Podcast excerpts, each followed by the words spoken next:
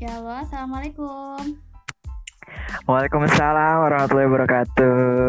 Ya, sudah bisa terhubung ya Kang ya? Alhamdulillah sudah. Ya, Alhamdulillah. Oke, saya buka dulu ya. Assalamualaikum Mangga. wabarakatuh. Bagaimana Waalaikumsalam? Wabarakatuh. Iya, Alhamdulillah ya kita bisa melepas rindu di malam minggu yang penuh dan syahdu ini. Nah, kita bisa kembali bersapa walaupun via virtual, tapi semoga tidak membuat kita untuk terus semangat bertemu ya. Oke. Nah, jadi Allah. Iya, jadi untuk malam minggu ini kita kedatangan guest star atau bintang tamu yang sangat luar biasa. Nah, Masa sih? iya, saya akan memperkenalkan kepada teman-teman semuanya. Nah, nanti jangan lupa terus stay tune terus dari awal sampai akhir ya teman-teman. Nanti saya akan mencoba untuk membacakan identitas beliau. Diizinkan ya Kang ya? Mangga, mangga. Ya, jadi langsung saja ya untuk mulainya kita buka dengan bacaan bismillah. Bismillahirrahmanirrahim. Untuk kali ini kita langsung untuk bacakan namanya. Jadi nama beliau itu adalah Yogi Permana. Ya, terus untuk tempat tinggalnya itu ternyata beliau itu dari Kecamatan Cikalongwetan, Kabupaten Bandung Barat. Itu benar, Kang? Halo, Kang? Akang masih terhubung? Cek. Halo, Kang Yogi masih terhubung? Halo, Iya. cek, cek. Oh iya, masih terhubung? Masih? Siap, siap. Untuk alamatnya ini benar di Kecamatan Cikalongwetan, Kabupaten Bandung Barat, Kang. Iya benar banget di kecamatan sama Jadi, ya Allah ya. Jadi teman-teman, untuk kali ini questar kita sangat jauh luar biasa dari Oh, Kabupaten gitu. Bandung Barat. Iya. Nah, Emang teman-teman di mana ya? kalau udah udah beda jauh ya dari daerah Jawa kayak Oh. dari Jawa, Jawa Tengah Kang. Ini kan Westarnya dari Jawa Oh. Barat. Untuk pengalamannya ini juga sangat luar biasa teman-teman. Kita ini ya coba untuk tahu lebih detailnya. Jadi beliau itu pernah berpengalaman di UKM LDK Fokus Salam di UPI Kampus Purwakarta. Terus juga beliau pernah ah, luar biasa sekali. Ini banyak banget sampai saya juga capek untuk bacanya juga pernah berpengalaman di UKM Probumsil Satuan Purwakarta. Selanjutnya beliau juga berpengalaman di LBF UPI Kampus Purwakarta, beliau juga pengalaman di tutorial UPI Kampus Purwakarta, dan yang paling menarik nih, beliau juga berpengalaman di BEM UPI Kampus Purwakarta. Untuk penghargaannya juga luar biasa. Izin untuk membacakan juga ya Kang ya. Biar motivasi mangga, nggak usah banyak-banyak satu aja. untuk penghargaannya itu untuk juara ada juara satu lomba menulis cerpen. Wah luar biasa sekali. Terus juga ada Mawapres kampus UPI Purwakarta. Luar biasa teman-teman. Ada juga juara tiga MTQ TCA UPI Sumedang ada juga juara dua Tari Kreasi TCA UPI Sumedang dan juga penerima hibah PMW bener ya Kang ya Alhamdulillah betul sekali. Alhamdulillah. Nah, ini untuk media sosialnya boleh saya share juga, Kak. Boleh tentunya. Biar Jadi viral. mau kepoin lebih detailnya, nanti teman-teman bisa intip-intip di media sosialnya. Ada di emailnya itu yogip95 at student.upi.edu Terus kemudian ada Facebooknya itu Yogi Permana Barokallah. Terus juga ada Instagram Yogi Permana Barokallah dan juga ada Twitternya @yogi_p95. Bener ya Kang ya? Iya betul banget. Pokoknya ki eh, keywordnya Yogi Permana Barakallah aja. Nah ini langsung mulai aja kan kayaknya ini mendengar sudah nggak sabar untuk mendengarkan keseruan dan sesuatu yang luar biasa dari Akang ini. Jadi Oke. sebenarnya ini saya mulai dari ini ya Kang tentang nama ini jadi ada juga dari segi media sosialnya tuh hampir dari belakangnya tuh ada barokallah. Ini pengen tahu tuh Kang alasannya kenapa sih Kang nama itu selalu muncul di salah satu identitas Akang di media sosial tuh Kang? Oke, jawab nih. iya dong, Kang. Oke. Iya. Uh, penambahan nama di situ barakallah ya. Uh, kita di sini gitu akan merasa nama itu adalah sebuah doa gitu kan ya. Uh, kebetulan nama Akang kurang gitu ya tambahin aja barakallah barangkali insya Allah itu akan menjadi doa bagi Akang juga uh, ke depannya tentunya barakallah penuh dengan berkahnya Allah Oh, masya Allah, amin amin. Tapi itu nama tambahannya nggak perlu ada syukuran ya, Kang? Itu kan bukan formal ya, Kang ya? Bukan, bukan. Itu mah ya kita ini aja asik-asik kayak gitu. Tapi asik-asik insya Allah yang berpahala. Amin. Oh siap. Takutnya nanti dari pendengar ada yang mau mengirimkan sesuatu, terus nanti bingung alamatnya benernya yang mana gitu. Oke, oke. Ya Kang, jadi sebelumnya ini terima kasih sekali karena Kang sudah menyempatkan kesempatan menyempatkan waktu untuk bisa hadir di tengah-tengah kita. Jadi kali ini ya. kita akan belajar lebih dalam tentang dunia pasca kampus Kang. Jadi nanti ini ya Kang sharing-sharingnya untuk kita lebih tahu lebih luasnya lagi gitu. Sebelumnya Akang ini juga sekarang profesinya tuh sebagai pengajar muda ya kan ya Kang? Alhamdulillah saat ini akan uh, berprofesi sebagai pengajar di salah satu sekolah swasta di Purwakarta. Alhamdulillah itu sudah berapa tahun Kang? Alhamdulillah sudah satu tahun. Oh, sudah satu Yang tahun. sudah mau ke tahun kedua. Siap-siap. Nah ini Kang tentang dunia pasca kampus itu kan Kang sudah menjalani hampir satu tahun. Menurut Akang sendiri dunia pasca kampus itu apa sih Kang? Ini pertanyaannya luar biasa sekali ya. Oke. Okay. Ya. Uh, buat teman-teman semuanya ini kita berbagi ya Tewolfa ya. Ini berbagi saja gitu ya. ya. Ini bukan yang paling benar gitu ya, bukan yang uh, menjadi sebuah pedoman hidup. Tapi kita berbagi ya. saja di sini, akan berbagi di sini kayak gitu. Dunia pasca kampus kayak gitu. Uh, simpelnya uh, kalau menurut Akang dunia pasca kampus itu adalah uh, membuat segala impian menjadi kenyataan. Oh iya siap siap. Oke, okay. iya. ada lagi kan? Iya, dunia pasca kampus itu artinya uh, adalah kamu harus siap menjalani kehidupan di mana setelah pendidikanmu usai, apa yang akan kamu lakukan, planning apa yang akan kamu jalankan di depannya, tentunya agar uh, kehidupanmu tetap berjalan seperti itu. Dan di dunia pasca kampus inilah gitu tempat kamu menentukan uh, di ke mana kamu saat ini gitu dan apa yang akan kamu eksplor di sana gitu. ya oh. tentunya banyak kayak gitu kan uh, apa uh, keputusan ataupun apa jalan yang dipilih kayak gitu bisa uh, studi kembali bekerja kemudian berusaha dan lain sebagainya kayak. Oh gitu, siap-siap Kang. Nah, ini Kang, mengenai persiapan sendiri pasti kan harus ada yang dipersiapkan ya Kang. Sebenarnya ya. apa aja sih Kang yang harus dipersiapkan ibaratnya sebelum sebelum kita menginjak dunia pasca kampus gitu Kang? Oke, sebelum kita ke pasca kampus otomatis kita harus uh, saat ngampus dulu ya. Gitu ya. hmm. Tentunya persiapannya adalah kita uh, kuliah yang benar kayak gitu ya karena tentunya tujuan kamu kuliah buat apa sih gitu kan? Tentunya buat belajar dan tentunya melaksanakan tuntutan kuliahmu itu. Kemudian jangan lupa juga buat uh, apa ikut organisasi kayak gitu ya. Itu akan mengembangkan skillmu kayak gitu dari berbagai hal yang belum kamu pelajari di masa perkuliahan.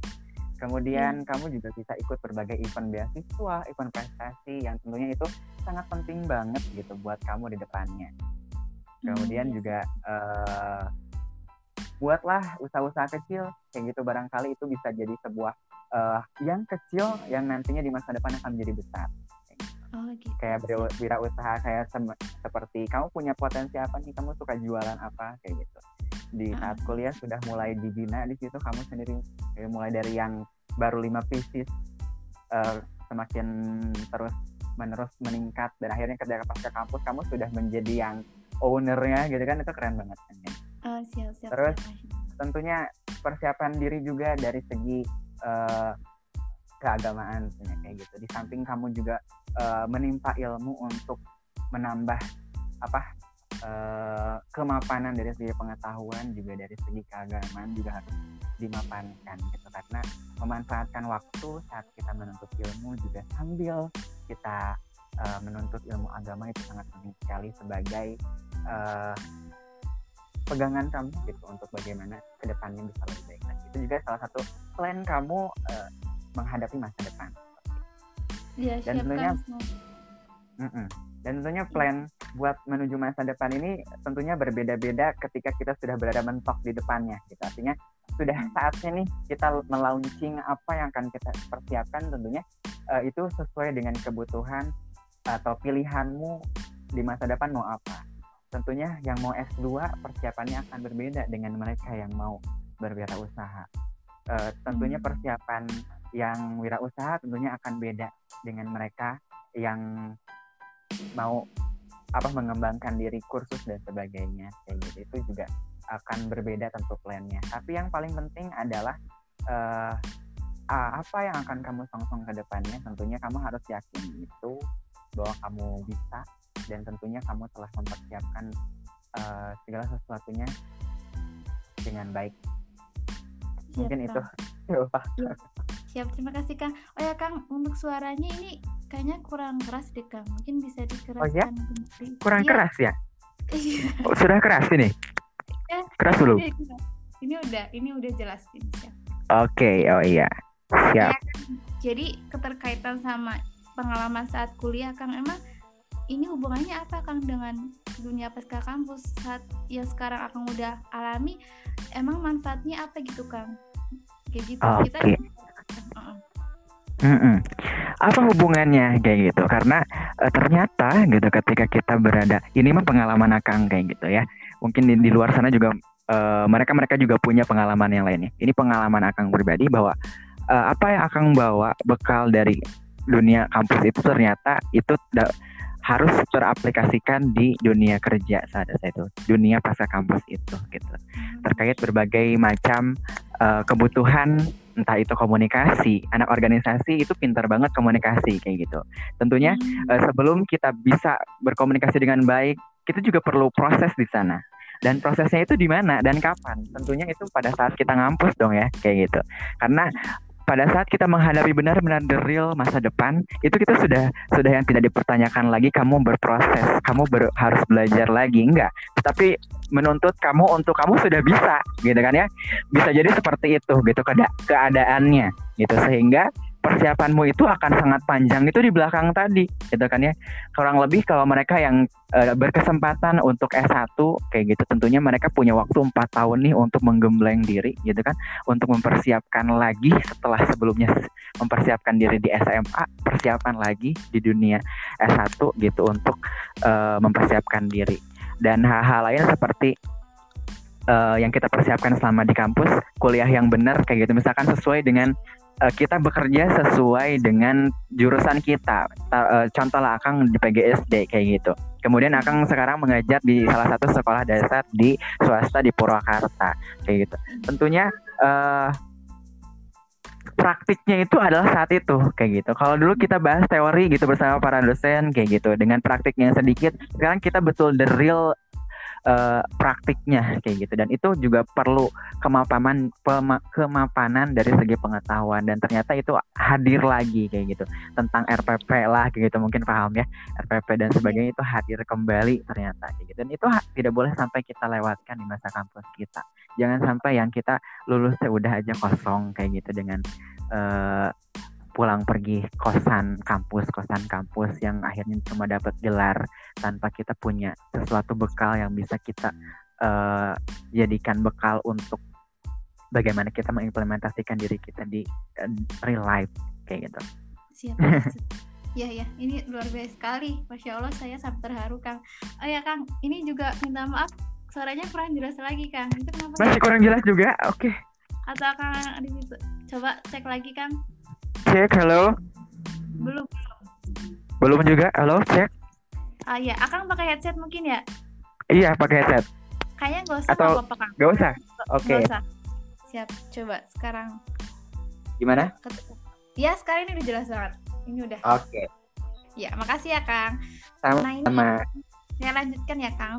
tadi itu kan tentang bicara ibaratnya tuh kalau menjadi mahasiswa yang aktif Kang. Nah kalau misalnya ketika kita tuh udah terlanjur lulus kemudian saat di dunia kampus kita belum bisa menjadi mahasiswa yang aktif itu masih bisa berkesempatan untuk memperbaiki diri nggak Kang?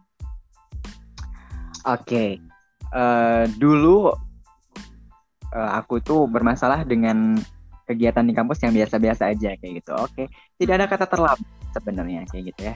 Ini yeah buat semuanya juga ini juga sama akan mengingatkan gitu tidak ada kata terlambat bahwa uh, pada saat dulu kita kuliah hingga sekarang kita mulai dunia pasca kampus dengan muatan yang kita hanya biasa-biasa aja gitu tidak ada tidak terlambat tidak ada kata kegagalan atas kemarin yang kita lakukan gitu ke depannya ya tentunya kita memperbaiki diri untuk senantiasa mau belajar yang penting itu mau belajar gitu. Mereka mereka yang punya pengalaman sebelumnya tentunya mereka punya poin plusnya. Tapi ketika kamu uh, belum punya pengalaman ataupun kamu belum mengeksplor diri kamu pada saat itu, ini saatnya gitu ya. Coba kamu cobakan diri kamu untuk mengeksplor diri kamu, untuk bagaimana kamu bisa beradaptasi dan tentunya kamu bisa memplankan diri untuk ke depannya bisa uh, lebih baik sesuai dengan harapan dari keputusanmu itu di masa depan kamu mau apa kayak gitu. Dan tentunya tidak ada kata terlambat, kamu masih bisa untuk maju asal kamu mau belajar, kamu mau berusaha, insya Allah bisa. Ya siap kang, ini sangat sangat luar biasa sekali ya teman-teman. Jadi untuk kita, ibaratnya saya juga baru ini kang baru mengalami tingkat akhir jadi kita okay. udah mau OTW ya OTW sudah. Jadi untuk teman-teman saya juga yang sedang merasakan ketika kita belum aktif di dunia organisasi itu kita belum ada kata terlambat ya. Kita masih yeah. bisa terus memperbaiki diri. Yang penting niatkan satu untuk terus belajar ya Kang ya. Ya, betul hmm. sekali. Siap-siap. Nah, ini Kang, pasti kan kebanyakan hampir 80% mahasiswa yang sudah menginjak dunia kampus itu setelah dunia kampus akan fokus untuk mencari kerja gitu kan walaupun ada rencana untuk S2 tapi biasanya tuh kebanyakan ingin mencoba rasanya kerja kayak gitu ya Kang di dunia kerja. Oke. Okay. Mm-hmm. Kan kita melihat sekarang kondisi sekarang itu mencari kerja itu kan gak semudah yang dibayangkan. Uh, itu sebenarnya kunci utamanya apa sih Kang? Karena saya pernah dengar isu juga katanya ketika kita punya orang dalam, kenalan orang dalam itu kita akan dipermudah. Sebenarnya itu benar atau enggak Kang? Oke, berbicara tentang kemudahan, bagaimana cara mudah buat masuk kerja gitu ya. Betul ya, sekali. Mm -mm, cari kerja itu memang susah gitu, apalagi tidak sesuai dengan uh, apa jurusan kita sebelumnya kayak gitu, karena itu bermasalah dari segi pendidikan. Tapi barangkali itu tidak semua uh, tempat kerja atau instansi yang kamu lamar itu juga juga konsen di sana kayak gitu. Berbicara mengenai uh, kunci bagaimana kita bisa diterima ya tentunya kita harus punya keyakinan kita bakal diterima dan kita siap dengan uh, segala apa dengan segala apa yang dibutuhkan oleh instansi tersebut kayak gitu. Berbicara tentang bagaimana saat kita ngelamar itu kan hubungannya masalah teknis gitu kan ya tentang bagaimana bentuk lamaran dan lain sebagainya bagaimana kita menjawab interview uh, selebihnya adalah uh, bagaimana uh, implementasi kita setelah diterima paling seperti itu. Kalau bicara mengenai perang dalam, uh, memang di sekitar kita sangat erat sekali dengan hal tersebut kayak gitu. Uh, memang apakah itu memudahkan? Ya emang jelas gitu ya memudahkan ya. Toh kita lihat pada saat ini kayak gitu mereka-mereka yang punya orang dalam di sana gitu ya dengan mudahnya masuk ke dalam ruang kerja seperti itu dengan sangat mudah kayak gitu ternyata real life itu terjadi kayak gitu. Namun apakah akan rusak idealisme kita gitu dengan dengan apa kecurangan yang terjadi kayak gitu. Ya mungkin di sini kita ubah orang dalam ini sebagai kawan kita atau koneksi kita di sini. Nah ini juga ada hubungannya dengan plan kita sebelumnya bahwa ketika kita di kampus kita harus banyak jejaring komunikasi dengan setiap orang, setiap kalangan, setiap lapisan masyarakat. Fungsinya untuk apa? Insya Allah itu juga akan memudahkan kita. Tetapi bukan berarti untuk memudahkan kita uh, dengan jalan yang curang. Tetapi fungsinya adalah menjadi jembatan kita untuk uh, dengan mudah kita mencari gitu. Kalau orang sekarang nyari di koran, orang sekarang nyari di media massa, kita kalau punya uh, koneksi dengan teman kita, kita mudah gitu. Kita dapat uh, komunikasi langsung by nomornya ada kita tanyakan ada lowongan atau tidak itu mudah ya kan itu lebih memudahkan kayak gitu itu uh, kalau kita apa dari segi positif punya koneksi di sana kayak gitu. Tetapi um, berbicara tadi orang dalam yang tadi kita balik lagi ke orang dalam yang tadi tentunya itu uh, jangan jadi patokan kita untuk mematok diri bahwa uh, kita cari tempat kerja yang di sana ada saudara kitanya yang yang di sana kita bisa sogok teman kita atau siapa orang dalam di sana untuk memungkinkan kita buat masuk. Nggak di sana nggak gitu dong gitu ya. Kita cobalah jadi orang yang jujur gitu ya. Uh, insya Allah itu adalah kuncinya kayak gitu ya setelah kita bisa kemarin menuntut ilmu sekarang kita coba ikhtiar tentunya untuk mencari kerja ikhtiar dan doa serta kejujuran tentunya itu akan menjadi kuncinya kayak gitu. Nah, ya, insya Allah segala sesuatu yang dimulai dengan sebuah kebaikan ke depannya juga akan baik. Tapi kebalikan sesuatu yang kita mulai dengan keburukan, insya Allah uh, juga akan buruk juga gitu. Karena dilihat juga sih banyak uh, beberapa orang di sekitar gitu akan ada gitu kan. Mereka yang dengan cara demikian mereka banyak banget aral melintangnya ternyata gitu ya. Cobaan ujiannya luar biasa kayak gitu. Dan sampai akhirnya mereka juga terus kerja juga akhirnya kayak gitu. Tapi berbeda dengan mereka mereka yang memulai dengan hal yang baik wah luar biasa gitu. Mereka mulus terus gitu sampai mereka sukses. Itu real nyata terjadi. Jadi makanya prosesnya ikhtiar berdoa dan jujur. Insya Allah itu jadi jadi banget ya ya terima kasih sekali kak ini sangat membantu untuk kita semuanya. Nah ini berkaitan sama ini ya kang ketika ibaratnya kita tuh belum mampu untuk memperluas jaringan. Ada mm-hmm. yang bisa akang bagi nggak pengalaman? Mungkin itu bisa membantu untuk kita dari dulu akang gimana sih persiapan sebelum akang tuh ngelamar kerja? Terus pengalaman saat akang itu mengalami proses seleksi di pekerjaannya dan setelah akan diterima itu sebenarnya bagaimana gambarannya gitu kan? Oke, okay. hmm. uh, based on pengalaman pribadi gitu kan ya. Dulu uh, ngelamar ya gitu di tempat kerja karena uh, semua setiap orang punya keputusan masing-masing untuk memilih ke mana mereka akan uh, berjalan di masa depannya kayak gitu. Di mana akan memilih untuk bekerja. Karena uh, insya Allah itu ada sesuai dengan kebutuhan dan kemampuan Akang pada saat itu dan sampai sekarang. Kayak gitu. Akang uh, prosesnya tentunya uh, persiapan terlebih dahulu gitu kan ya. Kalau persiapan pak uh, sebelum kampusnya udah sekarang persiapan menuju uh, saat tes itu tiba Iya. Waktu itu akan ngelamar di dua sekolah di luar sekolah.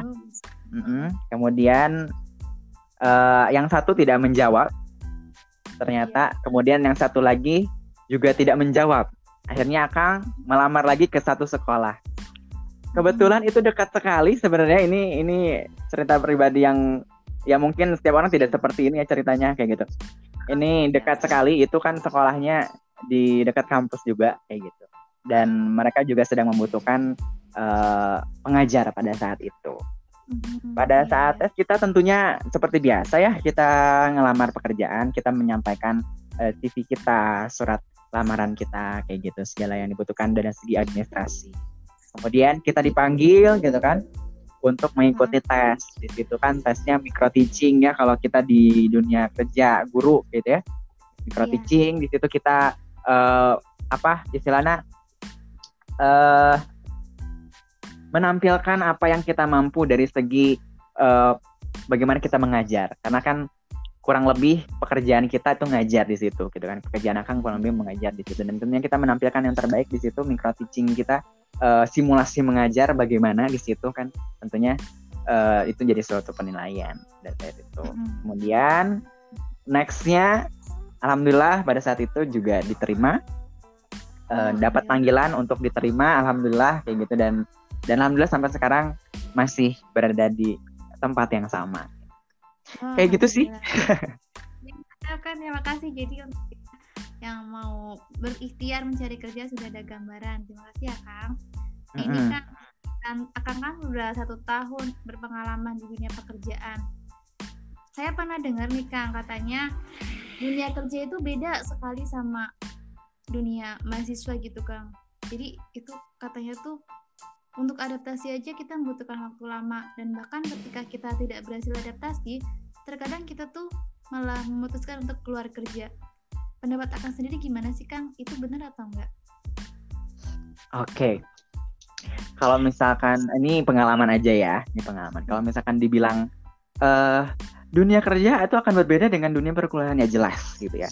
Karena kalau dunia dunia perkuliahan itu kita katakan kita masih belajar, banyak yang kita perbaiki, banyak yang kita istilahnya tambah dan kurangi kayak gitu. Sementara ketika di dunia kerja gitu, kita di, di dituntut harus serba bisa sesuai dengan tuntutan atau tupoksi yang telah dibebankan saat kita akan uh, pekerjaan di sana gitu. Karena itu sudah menjadi sebuah kewajiban tanggung jawab kita untuk uh, tentunya menjalankan tugas pada saat kita tanda tangan kontrak bisa dibilang kayak gitu ya uh, pada ininya.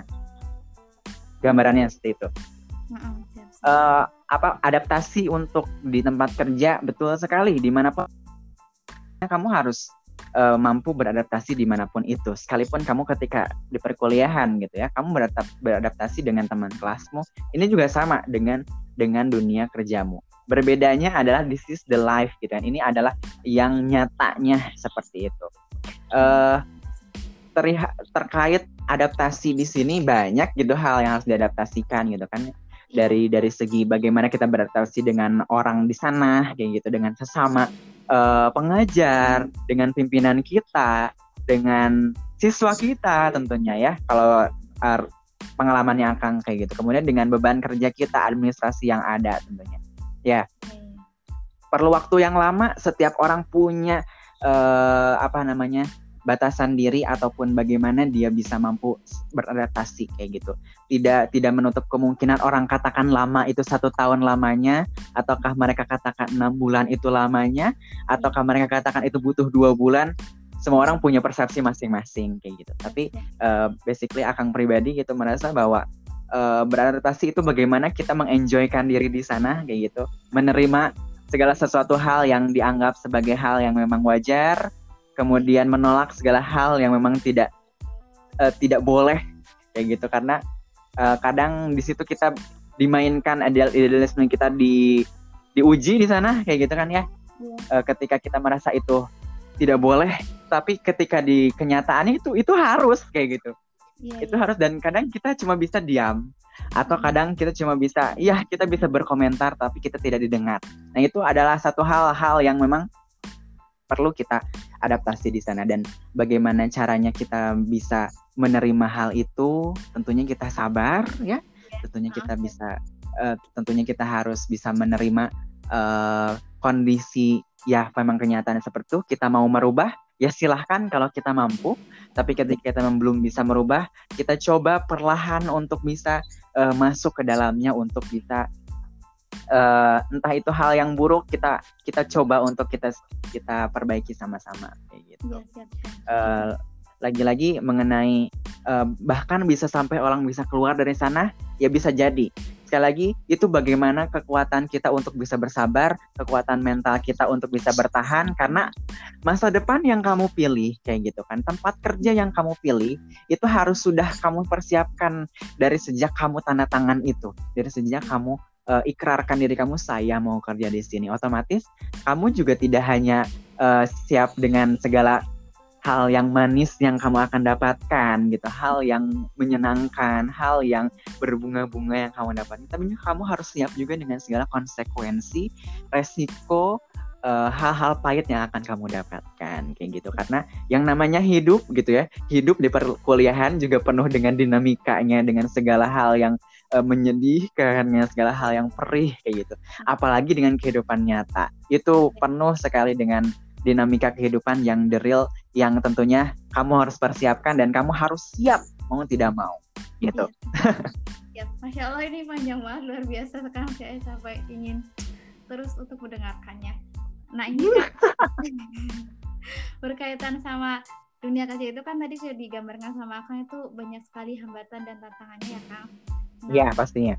Iya untuk kita terkadang kita kan manusia yang memang cepet banget bosan gitu dan terkadang juga hmm. iya kita dengan mudahnya menyerah kayak gitu kang. Sebenarnya kunci utama agar kita itu bisa terus bersabar pros dalam proses dan benar-benar tahu tujuan kita tuh orientasi kerjanya tuh untuk ini tuh bagaimana sih kan karena kadang dari segi gaji mungkin nggak sesuai dengan harapan kita karena di awal itu kan harus berproses sedangkan kita itu terkadang nggak sabar gitu loh kang itu gimana mm -hmm. untuk memurkatkan diri bahwasanya kita tuh harus mampu untuk terus berproses dan bersabar gitu loh kang oke okay.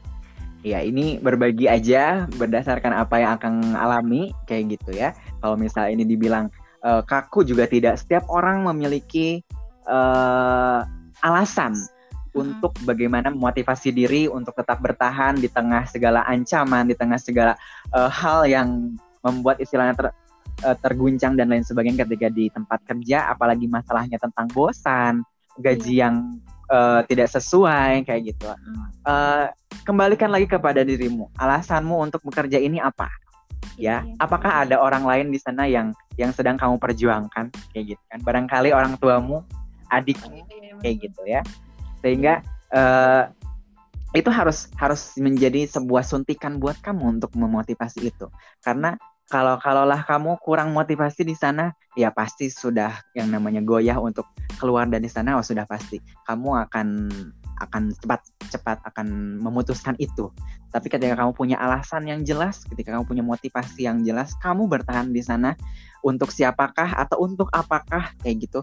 Uh, tentunya insya Allah itu akan menjadi sebuah obat kayak gitu untuk memotivasi kamu entah itu kamu bekerja ini saya punya tanggungan Kang gitu. Saya punya adik misalkan. Saya punya orang tua di mana saya sekarang menjadi beralih menjadi tulang punggung keluarga. Tentunya mau gak mau harus bertahan kayak gitu karena yang namanya hidup itu ya tidak tidak selalu yang surprise hello kamu dapatkan satu miliar enggak gitu kan tapi juga perlu dengan sebuah proses mulai dari nol gitu tidak setiap orang yang memang Allah anugerahkan langsung uh, luar uh, apa rezeki yang berlipat ganda tetapi juga Allah uh, juga kad, uh, kadang menguji hambanya mulai dimulai dari hal yang kecil gitu kan. Mereka mereka yang seperti kita lihat di sini honorer honorer gitu bapak ibu guru kita yang sampai sekarang mereka bertahan itu buat apa? Mereka punya motivasi yang luar biasa dengan apa namanya uh, ancaman yang ada tergantikan oleh yang muda kemudian gaji yang kecil kayak gitu.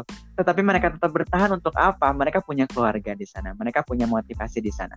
Bahkan mungkin dirimu juga punya motivasi untuk sekolah lagi kayak gitu. Atau kamu punya punya target di sana untuk menjadi pimpinan di sana gitu kan. Tentunya uh, kamu perlu bersabar, kamu perlu uh, bertahan di sana kayak gitu sehingga kamu bisa mencapai apa yang kamu dapatkan raihlah atau carilah motivasimu, alasanmu kenapa di sana sehingga itu menjadi menjadikan kamu kuat kayak gitu. Di samping itu bahwa Allah Maha melihat kayak gitu ya.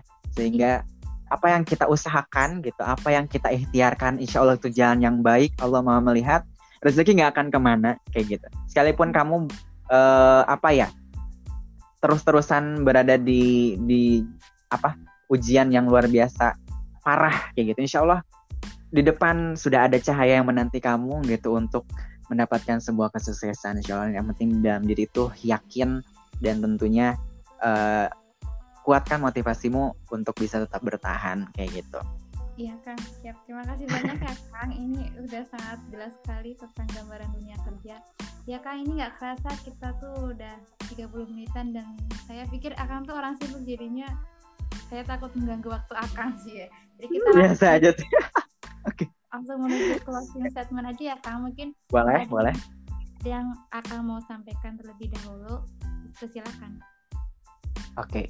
Uh, eh, buat teman-teman semuanya gitu ini kita sama-sama sharing sama-sama berbagi tentunya bagi kamu yang sekarang masih berada di bangku kuliah tetap semangat berusaha berikan yang terbaik kuliah yang benar uh, jadilah diri yang tidak puas dengan satu hal yang memang sudah kamu dapatkan tapi kamu harus selalu cari cari terus ilmu cari terus relasi kemudian pengalaman yang terus bisa mengembangkan diri kamu. Karena dunia kerja dunia sesungguhnya kalau kita bilang uh, me, apa membuat nyata sebuah impian itu tidaklah mudah gitu. Tidak hanya sekedar kamu kuliah pulang kuliah pulang tetapi juga perlu bekal yang luar biasa yang harus kamu uh, simpan atau lakukan saat ini gitu semenjak kamu di bangku kuliah ini. Jangan sampai kamu lewatkan masa-masa itu yang mana kamu saat ini punya ego di dalam diri bahwa ah nanti aja gimana nanti enggak. Tapi kamu harus persiapkan dari saat ini. Karena uh, dunia kerja itu tidak tidak selalu yang memberikan toleransi bagimu untuk ayo kamu boleh belajar lah ayo kamu bolehlah meniti dari nol tidak tapi kadang dunia kerja di depan atau kenyataan di depan menuntut kamu untuk yang sudah expert, menuntut kamu yang sudah berpengalaman, kamu yang sudah bisa segala bisa kayak gitu. Maka dari itu kamu harus persiapkan itu. Dan juga jangan lupa gitu ya, uh, tetap selalu uh, jaga keimanan dan ketakwaan untuk senantiasa menuntut ilmu agama juga itu sebagai penyeimbangnya agar senantiasa apa yang kamu perbuat itu tentunya bernilai ibadah Kemudian buat teman-teman yang sekarang udah mau menuju dunia kerja, sudah mau yang terjun gitu ya, saatnya berenang di sana di dunia yang eh, sebenarnya kayak gitu. Yeah. Plankan, rencanakan yang terbaik, persiapkan apa yang kamu perlukan, cari yang kamu butuhkan dan yang kamu mampu kayak gitu untuk di depannya. Kamu mau S2, kamu butuh, kamu mampu, lanjutkan. Kemudian kamu mau berusaha kamu mampu kamu kamu bisa lanjutkan seperti itu. Jangan raih egomu tetapi orang lain yang menderita seperti itu ataupun diri kamu sendiri yang menderita. Tapi uh, yakinkan dalam dirimu ketika kamu mampu ketika kamu bisa kayak gitu lanjutkan itu tetapi ingat gitu jangan sampai itu merugikan orang lain terutama orang tuamu camkan dalam diri gitu untuk bisa mandiri ke depannya kayak gitu. Jadilah uh, ini adalah momen kamu gitu untuk membuat impian menjadi nyata, membuat impian kedua orang tuamu jadi nyata seperti itu. Dan tentunya tetap ikhtiar, berdoa dan jadilah orang yang baik. Uh, memang segala hal apa keindahan dunia ini luar biasa menggiurkan bahkan bisa membelokkan akhlakmu tapi jangan sampai uh, itu terjadi karena dirimu harus tetap berada pada jalur yang terbaik, tetap ikhtiar berdoa, insya Allah itu jadi kunci suksesnya. Dan tentunya sabar dan tawakal dan selalu bersyukur, insya Allah itu akan menjadi uh, penyebab kamu sukses ke depannya terus, insya Allah. Amin. Oke, okay, gitu aja sih. Oke, komplit sekali, masya Allah luar biasa sekali. Ya ya, siap siap. Terima kasih sekali ya kak. Sekali lagi saya sampaikan terima kasih karena kan sudah menyempatkan waktunya dan bersedia untuk sharing dengan kita semua. Semoga kebaikan akan dibalas oleh Allah Subhanahu wa taala ya, Kang. Amin ya sama-sama nih buat Ulfa juga nih yang udah mau sama-sama berbagi nih kita gitu udah diundang nih ke podcastnya luar biasa banget gitu ya. ya ini luar biasa Teh Ulfa ini inspirator juga kayak gitu ya hebat. Terima kasih kayak gitu. Iya, juga berkah doa Akang dan selama ini yang saya dapatkan dari Akang juga. Terima kasih karena sudah motivasi adik tingkat ya juga ya Kang ya. Insya Allah juga Kang nanti setiap minggunya akan meluncur podcast dari saya pribadi. Jadi akan jangan bosan kalau nanti dapat undangan lagi ya. Insya Allah, insya Allah kayak gitu ya. Amin. Siap. Sukses terus buat Akang ya Kang dan semoga selalu dalam lindungan Allah Subhanahu wa taala. Amin. Sukses juga buat Ulfa. Semoga tentunya uh, dapatkan masa depan luar biasa dan pilihanmu tentu yang terbaik. Bismillah.